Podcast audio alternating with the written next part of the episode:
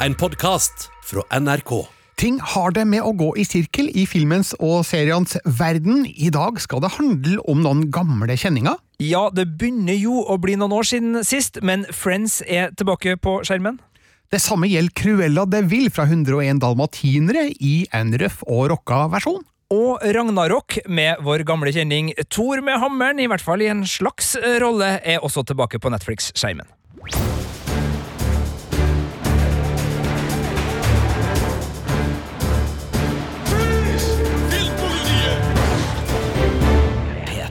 Her i studio, Birger Vestmo. Og Sigurd Vik. Og Sigurd, hvor stor fan var du av Friends, eller Venner for livet, da den gikk på skjermen mellom 1994 og 2004? Jeg lurer på om premieren var i januar 1995 på norske skjermer, hvis jeg husker riktig, Birger. Du, jeg skal vedkjenne meg at uh, den serien hadde jeg et veldig godt forhold til da den gikk på TV2 på tirsdagskveldene jeg, jeg, har lyst til å si etter Ally McBeal. Det var vel flere serier den gikk i, i såkalt tospann med, men den tirsdagen på, på TV 2 Jeg vet uh, etter studier, for jeg har gått medievitenskap, og der fikk vi lære at akkurat den tirsdagsrekka til TV 2 den var uh, spesialdesigna for det reklamebransjen kalte Kvinner 38.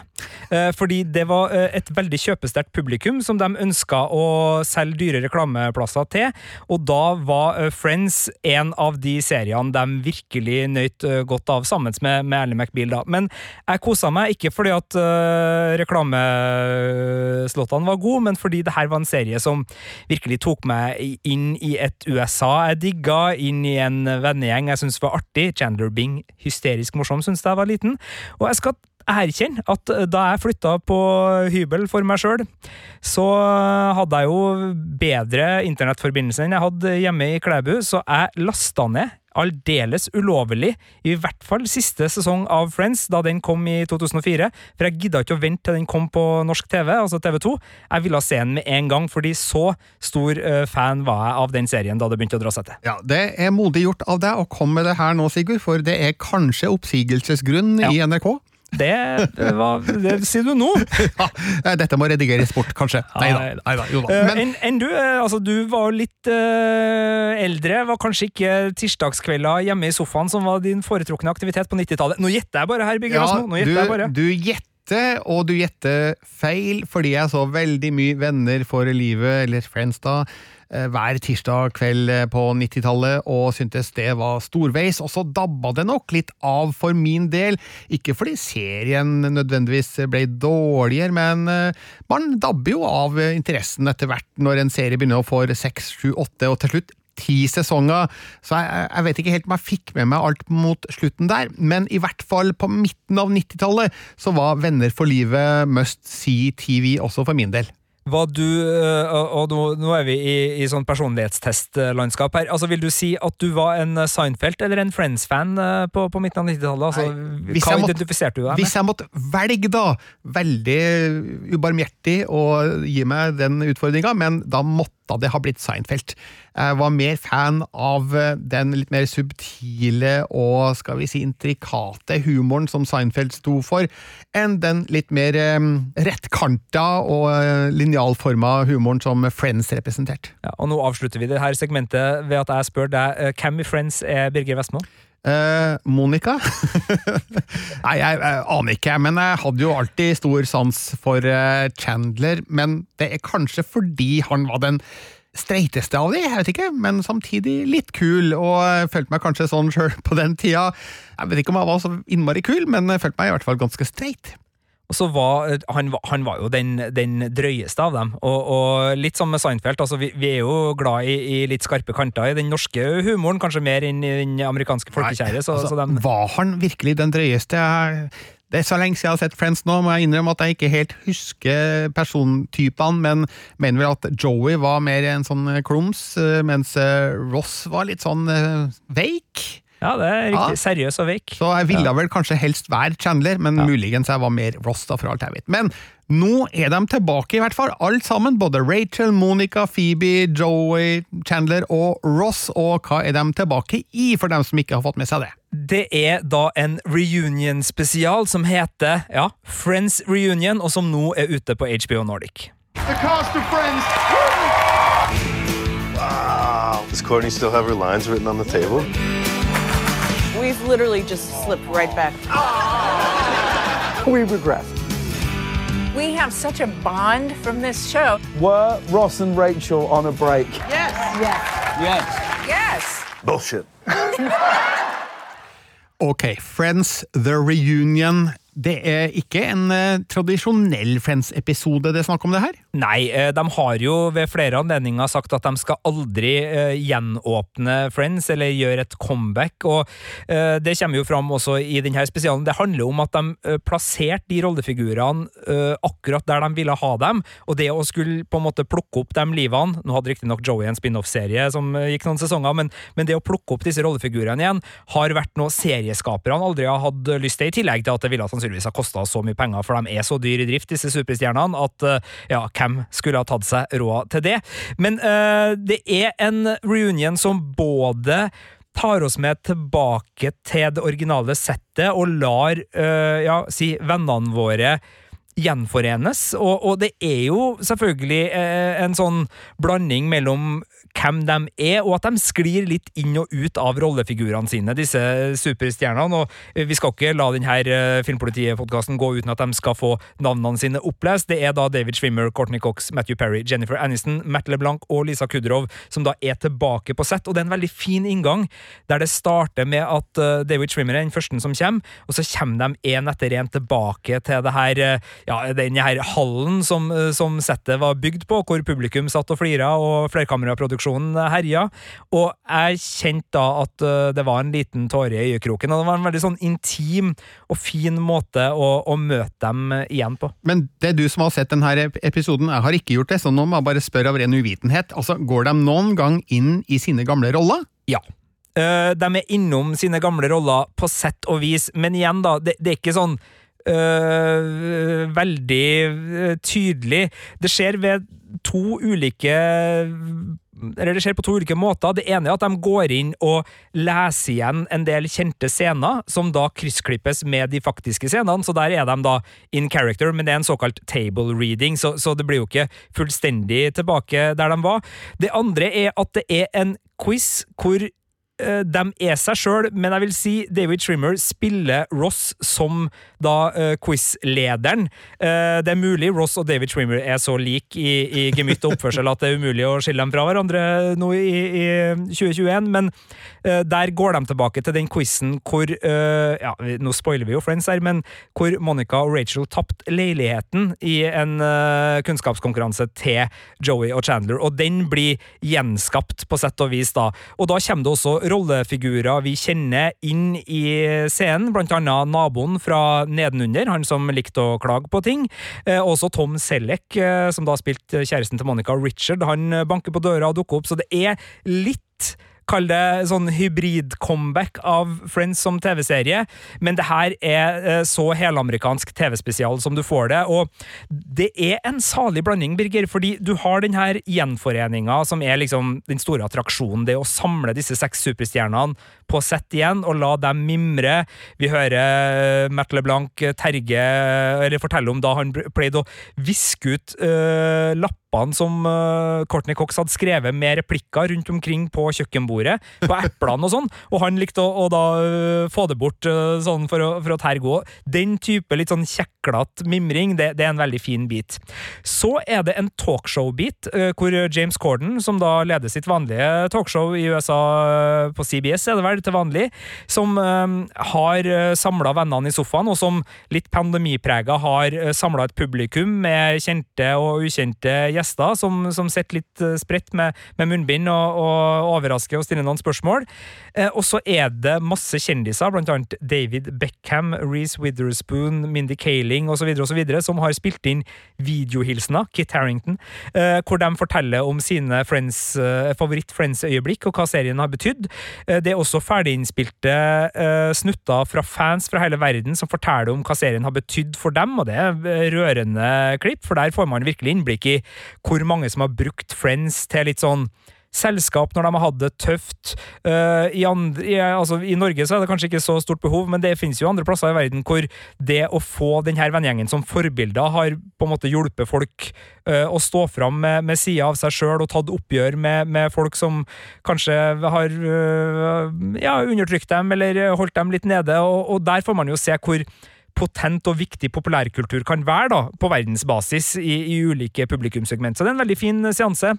Og, og hver for seg, det er også noen no sangframføringer her, selvfølgelig. Det kommer noen no kjendisgjester der. og eh, det er jo ikke å komme bort fra at det selvfølgelig er litt moteshow her. Cindy Crawford dukker opp, Birke Vestmann, hvis det skulle være av interesse. Uh! Uh, uh, men Problemet er jo at alt det her skal stappes inn i den samme spesialen på to timer, og spennet mellom den intime, koselige og den her friends-følelsen vi får av at vennegjengen er samla, og lørdagsunderholdninga til James Corban.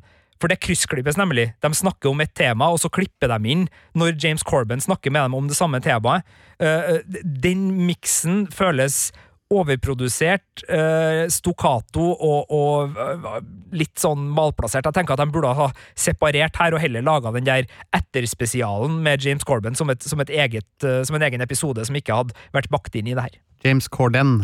Det er helt riktig. Ja. Mm. Du, det er, det er, 17 år siden den siste Friends-episoden gikk på TV, og har denne reunion-spesialen noen annen funksjon enn å liksom kile nostalginerven vår?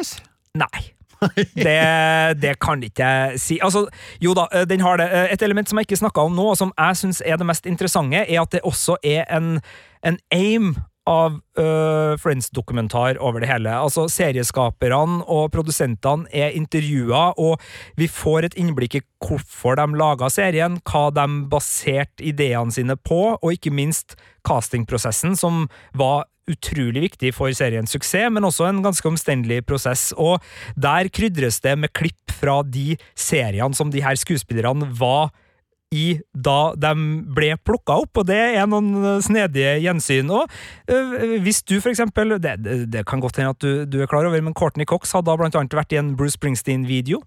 Selvfølgelig var jeg klar over det, det var det hun var kjent for, før Friends. Alle på min alder i hvert fall, visste godt hvem Courtney Cox var, Sigurd. Ja, jeg, jeg visste at hun spilte, hun spilte jo i flere andre serier, men jeg hadde ikke anelse om at hun var the girl from the video. Ja. Men, men, nå vet jeg jo det. Og ja. det, den biten av, av, dokumentaren er interessant, og, eh, og, og, for oss som er sånn serieentusiaster og filmentusiaster, det her ligner jo på liksom det bakommaterialet som DVD-er pleide å ha som, som bonusdisker eh, for noen år tilbake.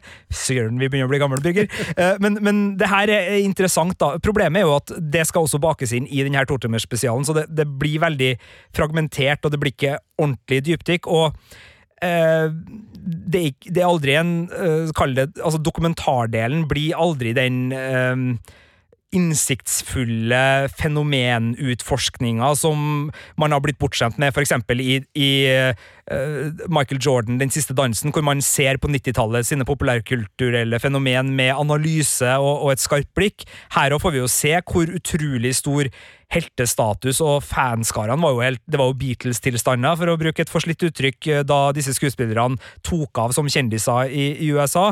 Vi får se de bildene, men det mangler på en måte den konteksten og, og den viljen til å virkelig sette i et uh, historisk perspektiv som gir mer mening ut av Forbi det å bare være hyllende, da, for det her er en hyllende spesialepisode. Tror du Friends The Documentary kunne vært en eh, bedre form på det her enn Friends The Reunion? Ja, men jeg tror ikke nødvendigvis den har blitt laga av de samme folkene, for det som er også litt av utfordringa her, er jo at det her er produsert av skuespillerne sjøl og serieskaperne, og uh, regien er det en kar som heter Ben Winston som har. Han har uh, tydeligvis jobba en del sammen med James uh, Corden tidligere, og hatt regi på hans talkshow. Han har også jobba mye med Tony og Grammy-utdelinga. Så det kommer fra en ganske glett del av underholdningsbransjen, det her, og det er en uh, spesialepisode som stryker veldig medhårs. Her er det ikke et eneste kritisk spørsmål, og, og derfor så er det jo litt sånn påtagelig at uh, eller eh, for å svare på det spørsmålet ditt, de her tror jeg ikke har lyst til å lage den dokumentaren. Fordi det som er påtagelig, og det som mangler fra den her, er jo at de tar inn over seg at serien også har fått kritikk. Altså, eh, Serieskaper Marta Kaufmann har jo anerkjent kritikken som har gått på, på det med manglende mangfold. Hun har sagt at hvis hun skulle ha gjort det her igjen, så hadde hun gjort det annerledes. og hun, hun, hun uh, erkjenner at hun ikke gjorde nok, da, i, i spesielt da castingprosessen, vil jeg anta. Og serien har jo også liksom fått kritikk opp mot denne lanseringa ved at øh, de tilsynelatende ikke helt har tatt til seg den kritikken, og, jeg var overraska over at det ikke ble nevnt i det hele tatt. Det ble ikke anerkjent med et nikk, uh, og, og det her var jo egentlig en ganske god anledning til å imøtekomme den kritikken og, og erkjenne den på en vis som liksom viser at de også liksom gjør det der de putter pengene sine, men det gjorde de ikke. Uh, og det gjør jo at behovet for en mer etterrettelig, kritisk og omfattende Friends-dokumentar, for det er absolutt et TV-fenomen som fortjener en uh, grundig gjennomgang. Uh, det er fremdeles til stede etter den dokumentaren der, for det her er en ren uh, sånn for oss og fansen. Altså, det, her, det her er mellom de som allerede elsker det, og, og ikke så mye til uh, på en måte forståelse og innsikt for et uh, jevnt TV-publikum. Men du, de seks skuespillerne som da faktisk var med i Friends, uh, altså Jennifer Aniston, Courtney Cox, Lisa Kudrow, Matt LeBlanc, Matthew Perry og David Trimmer noen av dem har vi jo sett en del til i ettertid, spesielt Jennifer Aniston, kanskje, som har hatt den beste filmkarrieren av de seks. Courtney Cox og Lisa Kudrow i noen biroller her og der. Matthew Perry, David Trimmer, vært litt borte. Matt LeBlanc har jo hatt sin egen Joey-serie. men erkjenner dem i denne spesialen at ja, men Friends var jo det største vi har gjort, og det vi kommer til å bli huska for. I, altså, det som kommer fram, og det, og det mener jeg kommer ektefølt fram, for det, det, kan jo virke som jeg er kritisk til dokumentaren her, men, men, jeg er kritisk til det den ikke er, på en måte, altså det den faktisk er, som er, et, som er en reunion, altså en, en, en, gjenforening. Der oppleves den både ektefølt, og, og den erkjenner i stor grad at uh, de har levd øh, hver for seg i etterkant, men samtidig så er det veldig tydelig at når de har møttes, og de har hatt jevnlig kontakt Det, det er ikke noe sånn der 'og vi snakka aldri sammen'. Altså, det, det, er tydelig at det her er folk som har holdt øh, kontakten, selv om Matthew Perry gjør en, en ganske sånn Uh, vittig, et vittig poeng av at ingen har ringt han i, i, starten, så kan man jo tolke den uh, som man vil, men det virker ikke som det er uh, en stor sannhet bak det, uten at jeg har telefonloggen hans. Men, men de har Altså, de sier det jo sjøl på den måten at hvis jeg er på en fest med andre venner, og jeg møter en av dere, så er det jo vi som henger sammen resten av den kvelden, for vi har så mye å snakke om. og de, de liksom har de båndene som ble skapt på, på det settet da ingen andre i verden hadde, sånn som dem. For det klart, den, det kjendisjaget de kjente på, gjorde jo at det liksom ikke bare å snakke med hvem som helst for å få identifisering og, og liksom sånn 'du vet hvordan jeg har det nå', gjør ikke du det? Altså, det var jo helikopter som lå over takene deres og, og snikfilma øh, på dagevis. Så, så, det er tydelig at det er eh, vennskapsbånd og kollegiale bånd der som, som har ligget hele veien, og uten at jeg skal avsløre, så kommer det jo også fram detaljer i denne reunion-dokumentaren som nå vet jo ikke jeg, Det kan godt hende at redaksjonen har satt på den informasjonen, men jeg vil tro at det ville ha velta noe redaktørbord i den kulørte pressen på 90-tallet hvis uh, de opplysningene hadde vært uh, mulig å, å, å trykke. Nemlig. Ja. akkurat. Og, og, det er kult, for det brukes da til stor effekt i de her table readsa, så det er spesielt én scene mot slutten av spesialen som får en ekstra klangbunn, da, når vi vet det vi vet om skuespillerne og, og, får den scenen framført. Da kjente jeg at eh, ja, da var eh, den uh, surmaga seriekritikeren Sigurd godt med, med håndkleet borti øyekroken. Du, Friends hadde jo da premiere for 27 år siden, i USA i hvert fall. Det begynner å bli ganske lenge siden. Det, det er før internett, egentlig. Og før um, man kunne få liksom daglige eller på timen oppdateringer om hva stjernene foretar seg. Det var jo da sladrepressa man kunne oppleve disse fjesene i på den tida, og, og i diverse kulørte aviser. Um, hvordan har de holdt seg egentlig, disse folka? Det er et veldig grunt spørsmål, men allikevel, jeg spør det. Ja, eh, nei, eh, uforskamma godt eh, er vel svaret. Altså, det, er en del scener og en del uh, fakta hvor man liksom tenker at uh, her har tiden stått stille. Altså, det, det, mens andre ganger så ser man jo at det her er jo mennesker som har blitt eldre, sånn at det er litt sånn uh, Det er veldig lett altså Spesielt Lisa Kudrow. Der, det er nesten så at jeg glemmer at uh, det er uh, ja, 17 år siden slutten, for hun, hun uh, omfavner de fibieske kvalitetene og har den rollefiguren så umiddelbart til stede at, at det kjennes helt ja, det, det, det er sånn at man ikke reflekterer over at uh, tida har gått. Mens med andre så er det jo både i, i liksom hvordan de ter seg som privatpersoner kontra rollefigurene. altså Bare der ligger det jo en, en, en liten fremmedgjøring som gjør at man blir var på at det ikke er rollefigurene man ser. Uh, Matt LeBlanc har øh, selvfølgelig blitt litt øh, gråere i hyssingen, men, men, har den samme hjerteligheten og umiddelbarheten. Nei, altså, altså, det var veldig lett å komme tilbake til denne gjengen.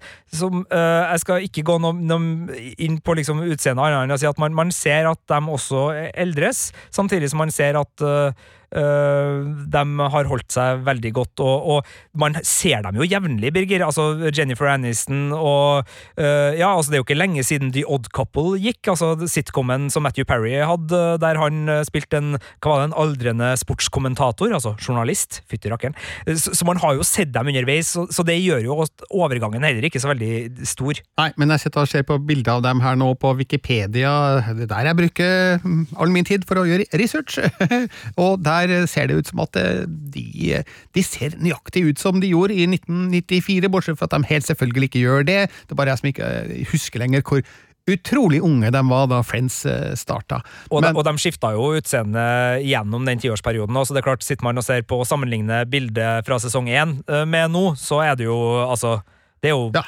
virkelig forskjell. Men sesong ti og nå, nja. Ja, Men hvis du sammenligner Steven Segal 1994 og i år, så er det to helt forskjellige fremtoninger der, men det er en helt annen historie. Har han klippet hestehalen? Ja, den er vel borte, men eh, han har fått mye annet i tillegg. Ja, okay, okay. Si. Men det her handler ikke om Steven Segal, men Friends The Reunion. Er det her noe å se for noen som ikke har sett Friends før? Nei. Uh, det, og det er jo der den der svakheten som dokumentar kommer inn igjen. da, for Hvis den hadde vært mer nysgjerrig og mer grundig på fenomenet Friends, så ville jeg sagt ja. Da ville jeg sagt at uh, for dem som nå er en generasjon som aldri har hatt et forhold til serien. og det er jo mange, altså man, man tenker jo Fordi net, den gikk så bra på Netflix, så tenker man at alle har sett Friends. Nei, det er fremdeles uh, den generasjonen som nok har passert 30, som i størst grad har et forhold til Friends, men det er også en serie mange andre har sett.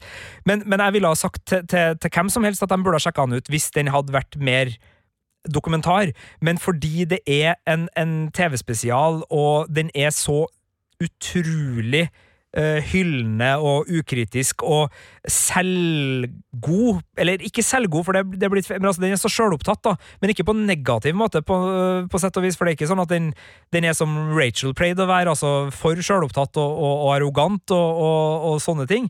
Men den, den, den har liksom ikke noe å tilby de som ikke er fans fra før. Det er veldig sånn hva heter det? Uh, innforståttheten er stor uh, i denne uh, spesialen. I hvert fall så høres det her ut som noe som jeg må se, siden jeg har et forhold til Friends, eller Venner for livet, og hele spesialen to timer til ende.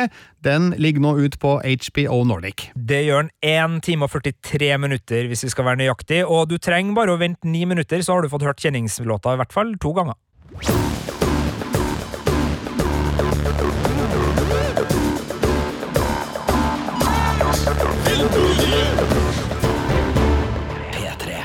Denne podkasten den handler altså om gamle kjenninger, og nå skal vi til Cruella. Og da forstår du forhåpentligvis hvem det er snakk om, Sigurd? Det er hun som elsker hunder, ikke det, Birger?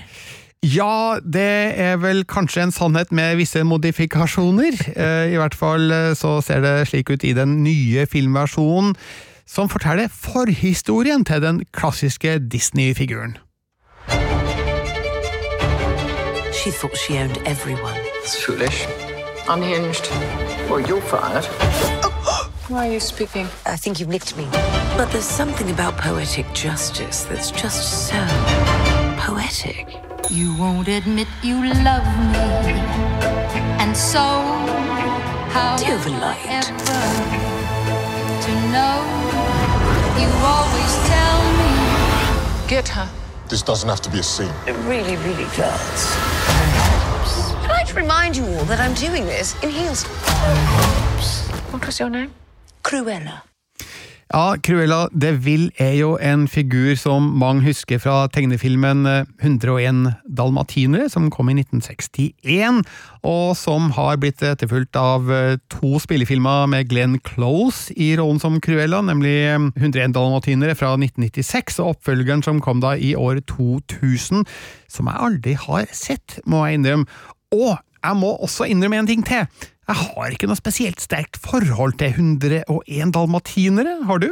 Eh, Jeg husker den som en av de gode filmene jeg så da jeg var liten, og eh, vi må jo gjøre vår plikt å informere om at Cruella da ikke spilte helten i den filmen. Hun Nei. var skurken. Hun var definitivt eh, skurken, og kanskje en av de i hermetegn skumleste skurkeskikkelsene da fra det rikholdige Disney-universet. Men eh, nå er jo Disney som alle vet i full gang med å lage nye versjoner av sine gamle merkevarer. Vi har sett Jungelboken og Skjønnheten og Udyret og Aladdin og mange flere, og her føyer jo Cruella seg inn på en måte, men på en måte også ikke, fordi her fortelles forhistorien til Cruella, som heter Estella, egentlig. Som ung jente opplever hun en tragedie og rømmer alene til London midt på 1960-tallet. Hun drømmer om å bli motedesigner, men hun slår seg i lag med to gategutter, Horace og Jasper, og bor sammen med dem i en sånn falleferdig, for forlatt bygård. Ti år senere, og da er vi da altså midt på 1970-tallet, et sted, så får hun innpass i motehuset til baronesse von Hellmann, spilt av en um, annen Emma, nemlig Emma Thompson. Og har jeg sagt at det er Emma Stone som spiller Estella? Nei, jeg tror ikke det, men nå har jeg gjort det.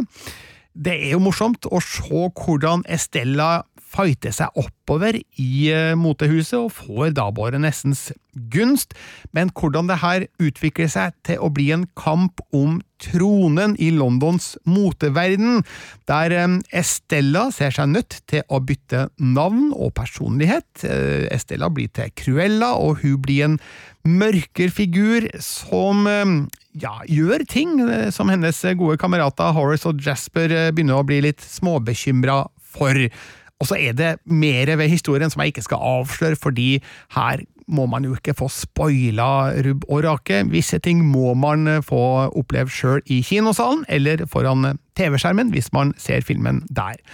Men eh, det som er spennende her, er jo at eh, det her er en eh, nytolkning av en klassisk figur som kanskje vil irritere gode, gamle Disney-fans, fordi det er en helt annen Cruella vi møter her, enn som vi møtte i 101 dalmatinere.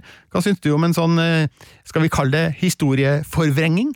Det er jo kjempespennende materie, det der. Og man har jo så mange på en måte eh, perspektiver man kan støte på hos ulike publikum. Og, og du har de som er veldig opptatt av hva som er på en måte canon og ikke. Altså hva er det som er den offisielle historien? Altså er det noe som på en måte overstyrer det vi allerede vet, og som går i konflikt med? Nå vet jeg om det er tilfellet her, men altså det er jo sånn som holder Star Wars-fans våken om natta, og Disney har jo tatt seg noen friheter med Star Wars-universet som virkelig ikke liksom går ubemerka hen på eh, krinkelkroker rundt omkring på, på internett, så du har den.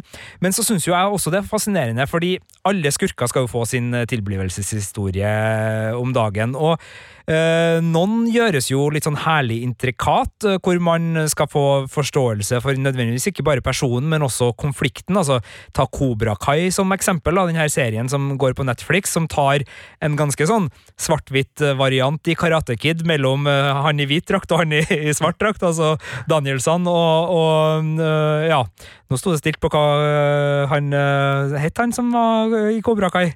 Ja, ja, samme det. De to, i hvert fall, eh, der, der får man jo på en måte snudd helterollen totalt. Altså, det, det, man begynner å se på ok, hvem er egentlig eh, snill og god her, men så har du jo mer sånn, sånn som Joker, da, som Batman-skurken, som får en, en, en film som er ikke unnskyldende, men som er egna for å gi forståelse og innsikt. Og så har du mer sånne morsomme eh, hvor skurkene får være antihelter og på en måte være helt for en dag. Eh, og så eh, er det liksom ikke noe større prosjekt enn det. Eh, innenfor de her tre litt sånn kategoriene, hvor vil du plassere Cruella? Altså, er det en eh, film som på en måte gir oss forståelse for skurken til det punktet hvor vi liksom sympatiserer med skurken, eller er det litt mer som Joker, hvor vi kanskje forstår, men allikevel skjønner at eh, det her bærer på ville veier? Det er interessant at du trekker frem Joker, for den tenkte jeg på mens jeg så Cruella. Det er en lignende type forhistorie her, som skal få oss til å forstå hvorfor Cruella ble Cruella.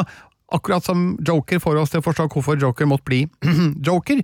Eh, nå må det nok sies at Joker eh, den går mye lenger eh, i sin skildring enn det Cruella gjør. Det er tross alt en Disney-film, så um, Uten å avsløre for mye, så kan jeg vel si at jeg, jeg syns ikke Cruella kommer ut i den andre enden her som den Cruella vi husker fra tegnefilmen og de live action-filmene med Glenn Close.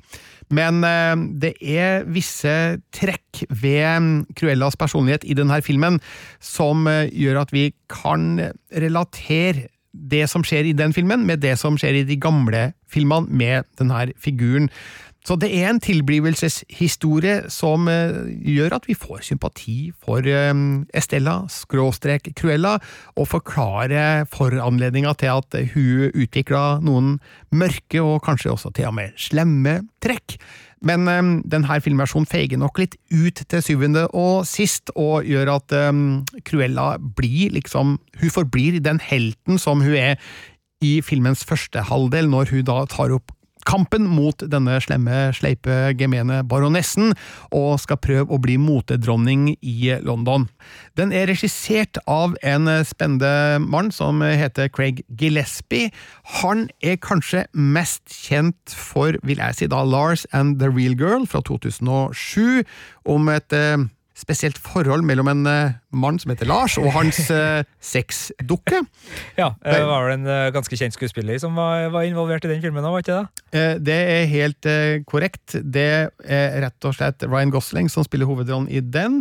Og så er han kjent for I, Tonja. Det er den syrlige komedien basert på kunstløpersken Tonja Hardings liv. Også Cruella har litt i seg det samme som de to filmene. Den her mørke humoren, nesten med satiriske trekk, som da kommenterer figurene ved hjelp av en spesiell stilart og musikkbruk og en spesiell kameraføring som gir et litt sånn rått og røft inntrykk, og det er jo samme kameramann fra Aitonia som også har filma Cruella, Nicolas Karakatsanis. Ja, også filma Triple Nine og The Loft, blant annet, hvis noen har sett de filmene. Og han bruker mye håndholdt kamera i eh, Cruella, eh, og det tenker jeg kan være for å understreke det litt uh, rå, rocka og røffe inntrykket av figuren, men også for å kanskje distansere Cruella litt fra det sedvanlige Disney-universet. Nå lykkes de det med det på det stilmessige her, men det, historien har nok fremdeles noen troper og klisjeer som vi kjenner godt fra tidligere Disney-filmer, så den greier ikke å fjerne seg helt fra råmaterialet, men de prøver i hvert fall, og det skal de ha ros for blir eh, de her stilistiske valgene og, og tonevalgene eh, litt for eh, rå for de yngste? Så gjør det at filmen eh, treffer i en høyere aldersgruppe enn kanskje en eh, Disney vanligvis sikter seg på? Altså den der tillatt for alle? Ja, nei, den er ikke tillatt for alle. Den har aldersgrense ni år for en del mørke og truende scener. og jeg tenker jo at filmen hadde blitt enda bedre hvis de hadde eh, sikta mot en enda høyere aldersgrense, for den har det stilistiske uttrykket som nærmest inviterer til enda tøffere virkemidler, og kanskje et tøffere språk og mer utagerende oppførsel fra de involverte, men eh, det er fremdeles en Disney-film, og de skal ha et uh, visst uh, alderssegment til å se filmene sine, og da får vi vel ni år hver, liksom i overkant av det vi kan forvente fra Disney.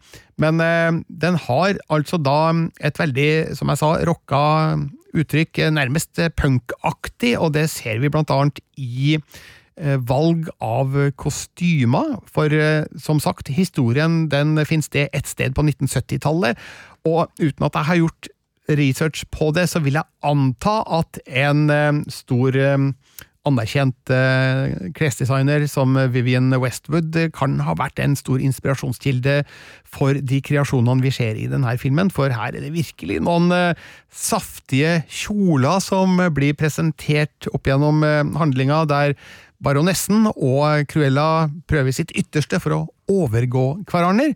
Samtidig så um, hører vi det på um, filmens eh, lydspor, der det er en veldig god miks av alle de stilartene som omtrent kniver med hverandre om oppmerksomheten på 1970-tallet. Eh, Jeg tror ikke det var så mye disko der, men i hvert fall så er det um, pen pop og prog og punk, selvfølgelig. Um, I Wanna Be Your Dog er godt plassert. Eh, er det Iggy Pop? eh? Det er The Stooges, ja. The Stooges, ja. ja. Eh, I en annen versjon her, men eh, allikevel, det er, det er den musikkstilen de virkelig sikter mot, da, i hvert fall i filmens siste del. Så det er en veldig sprek versjon av en god gammel Disney-historie, det her, som tiltaler meg.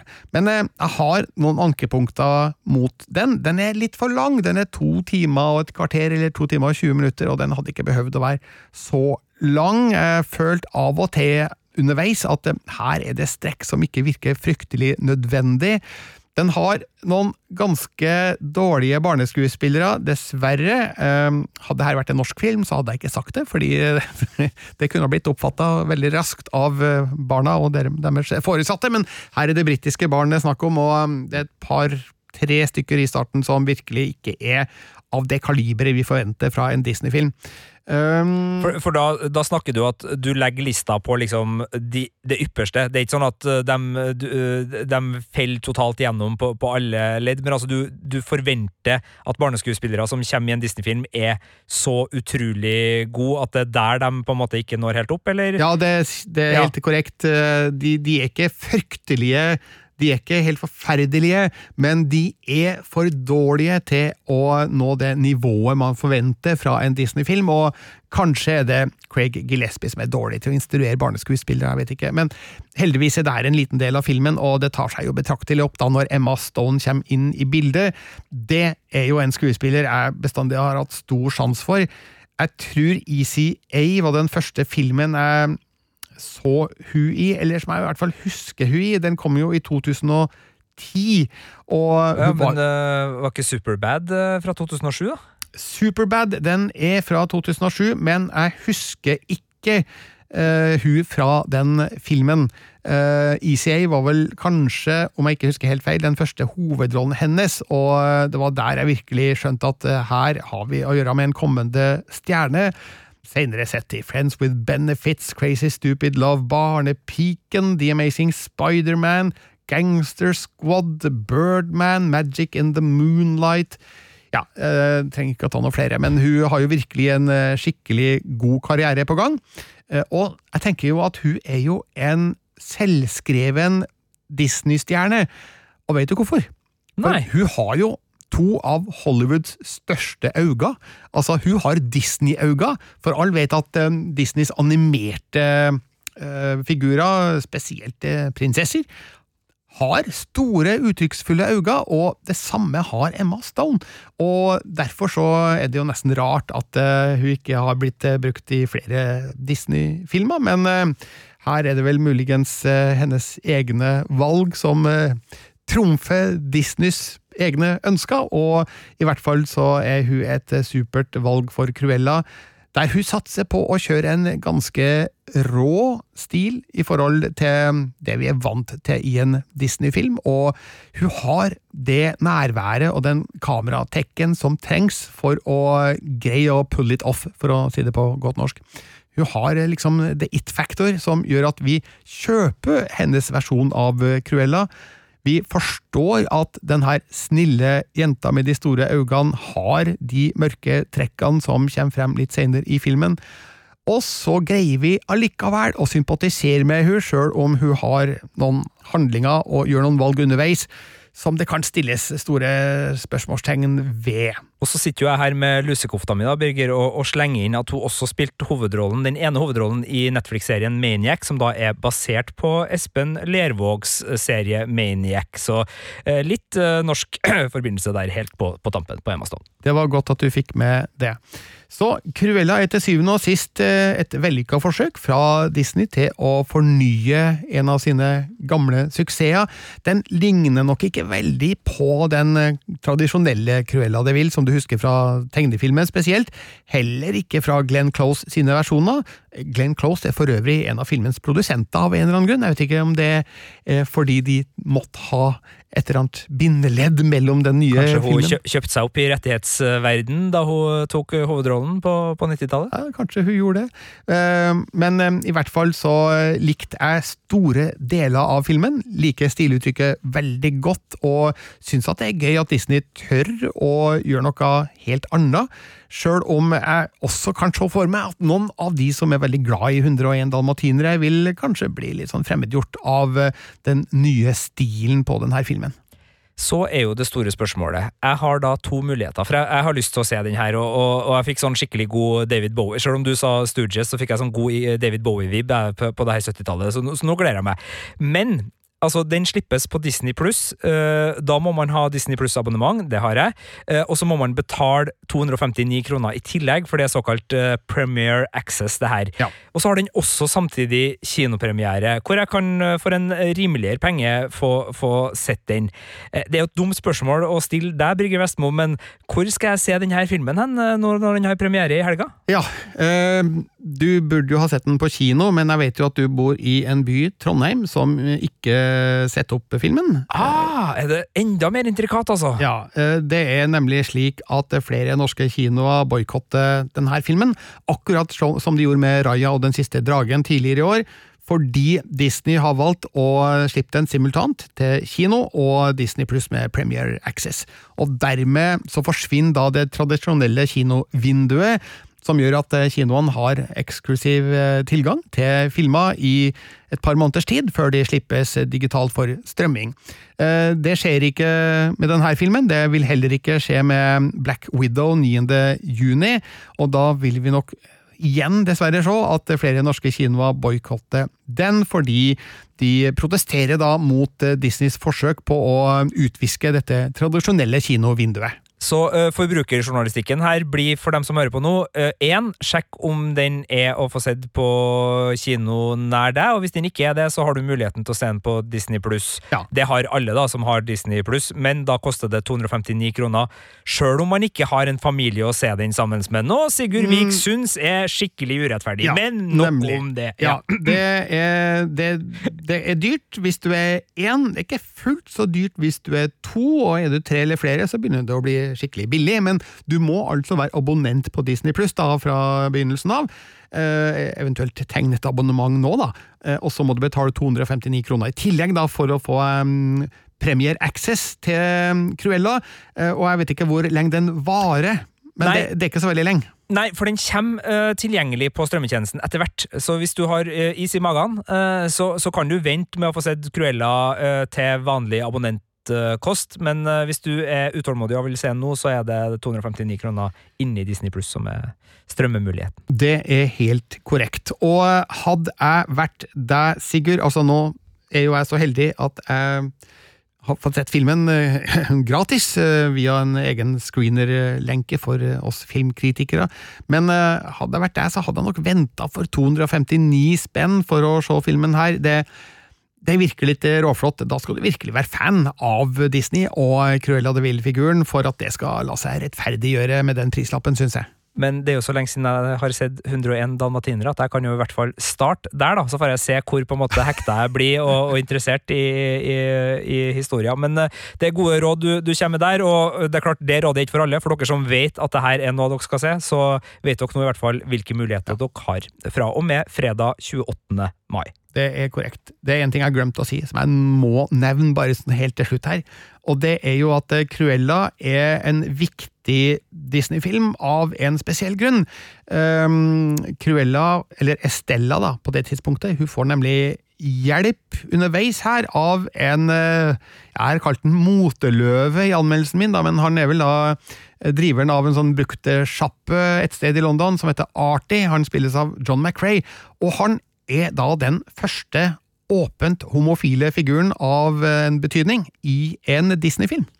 Jeg var sikker på at du nå skulle liksom si at Og nå har Disney åpna døra mellom uh, 101 Dalmatiner-universet og The Avengers, for det er Doctor Strange som dukker opp. Altså, så jeg satt med hjertet skikkelig i halsen. Og bare så, Nei, de har ikke gjort det. Altså, De bygger ikke verdenene sammen her nå. Det kollapser ikke over hodet mitt. Men, uh, ja. Pa, pass på nå, Sigurd, så ingen i Disney hører der og får eh, smarte ideer. Det er skummelt når folk eier alt, altså. Filmpolitiet.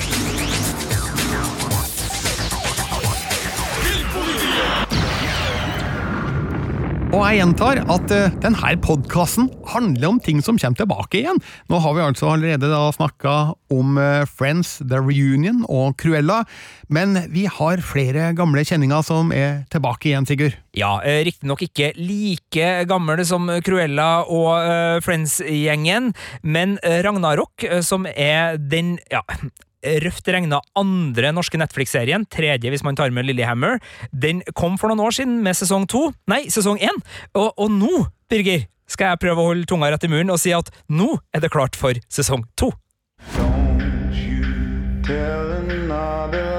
Jeg vet at du har kjempa lenge alene. Jeg vet at du har tvilt.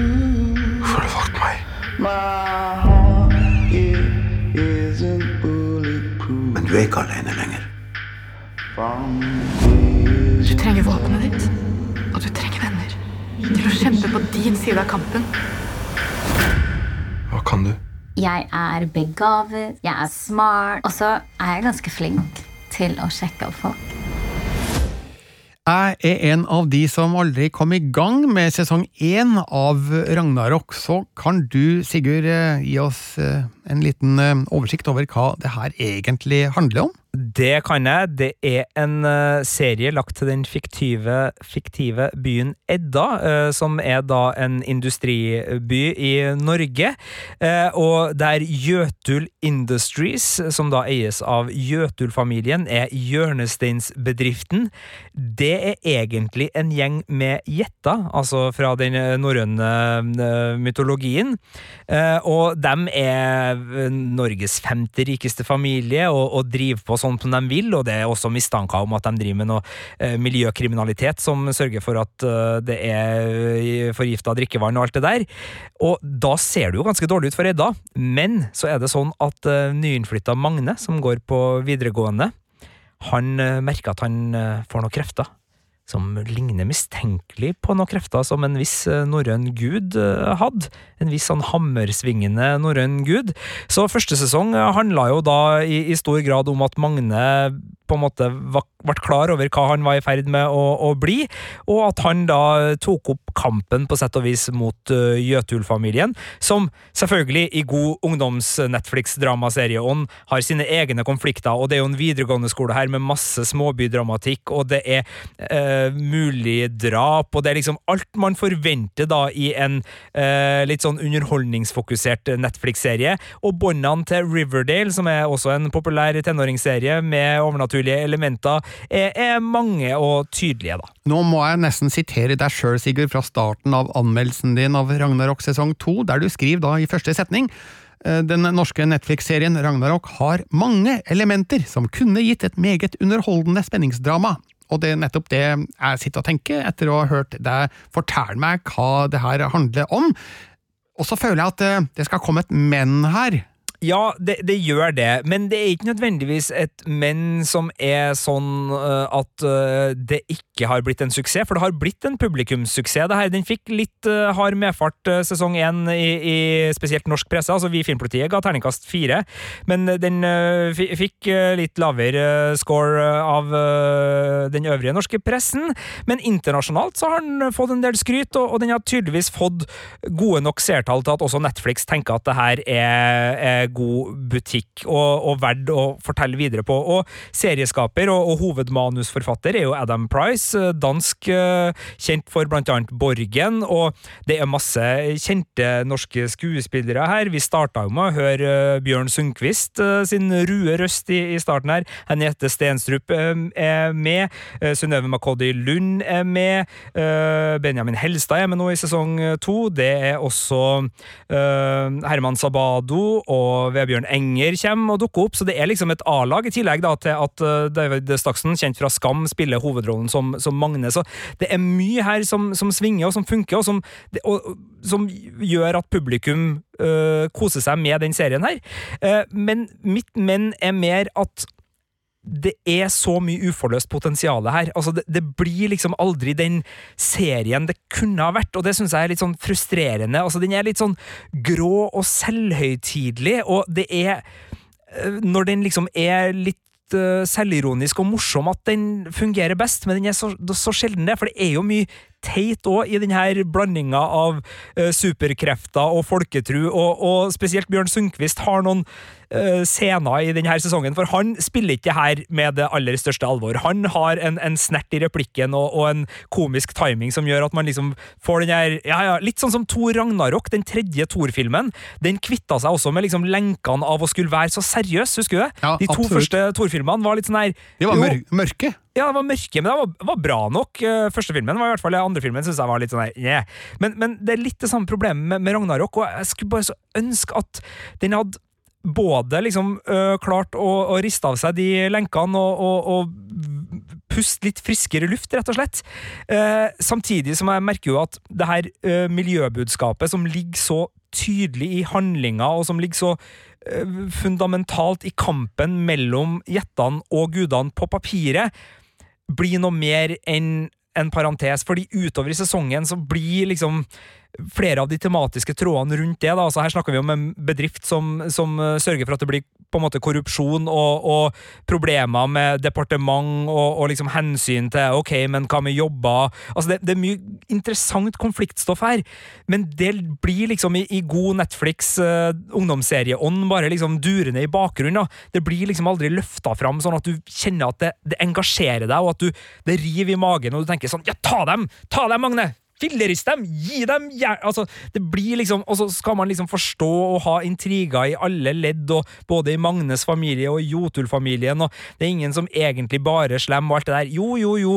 Riktignok det, men, men det skulle ha liksom vært noe mer her. Det skulle ha vært et bedre tak på historia. Syns det blir litt, uh, litt for tamt, rett og slett. Og så syns jeg manuset det er omstendelig, det er repeterende, og dessverre så er replikkene av den sorten som ofte jeg vil si punktere ei, ei scene. altså Ikke sånn at uh, scenen er verdiløs, på noe som helst vis, men du, men du sitter der liksom, og du, du kjenner spenningsoppbygging, og så kommer det en replikk som bare river deg litt ut av situasjonen, for den er så kunstig.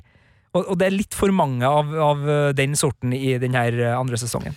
Men du, superkrefter, gamle guder, tankene går jo kjapt til Marvel og DC Comics, eh, som vel er reelle konkurrenter her for en eh, sånn eh, serie, sjøl om det er en urettferdig sammenligning eh, ressursmessig sett. Eh, Men eh, åssen klarer Ragnarok seg som superhelt slash gudefilm?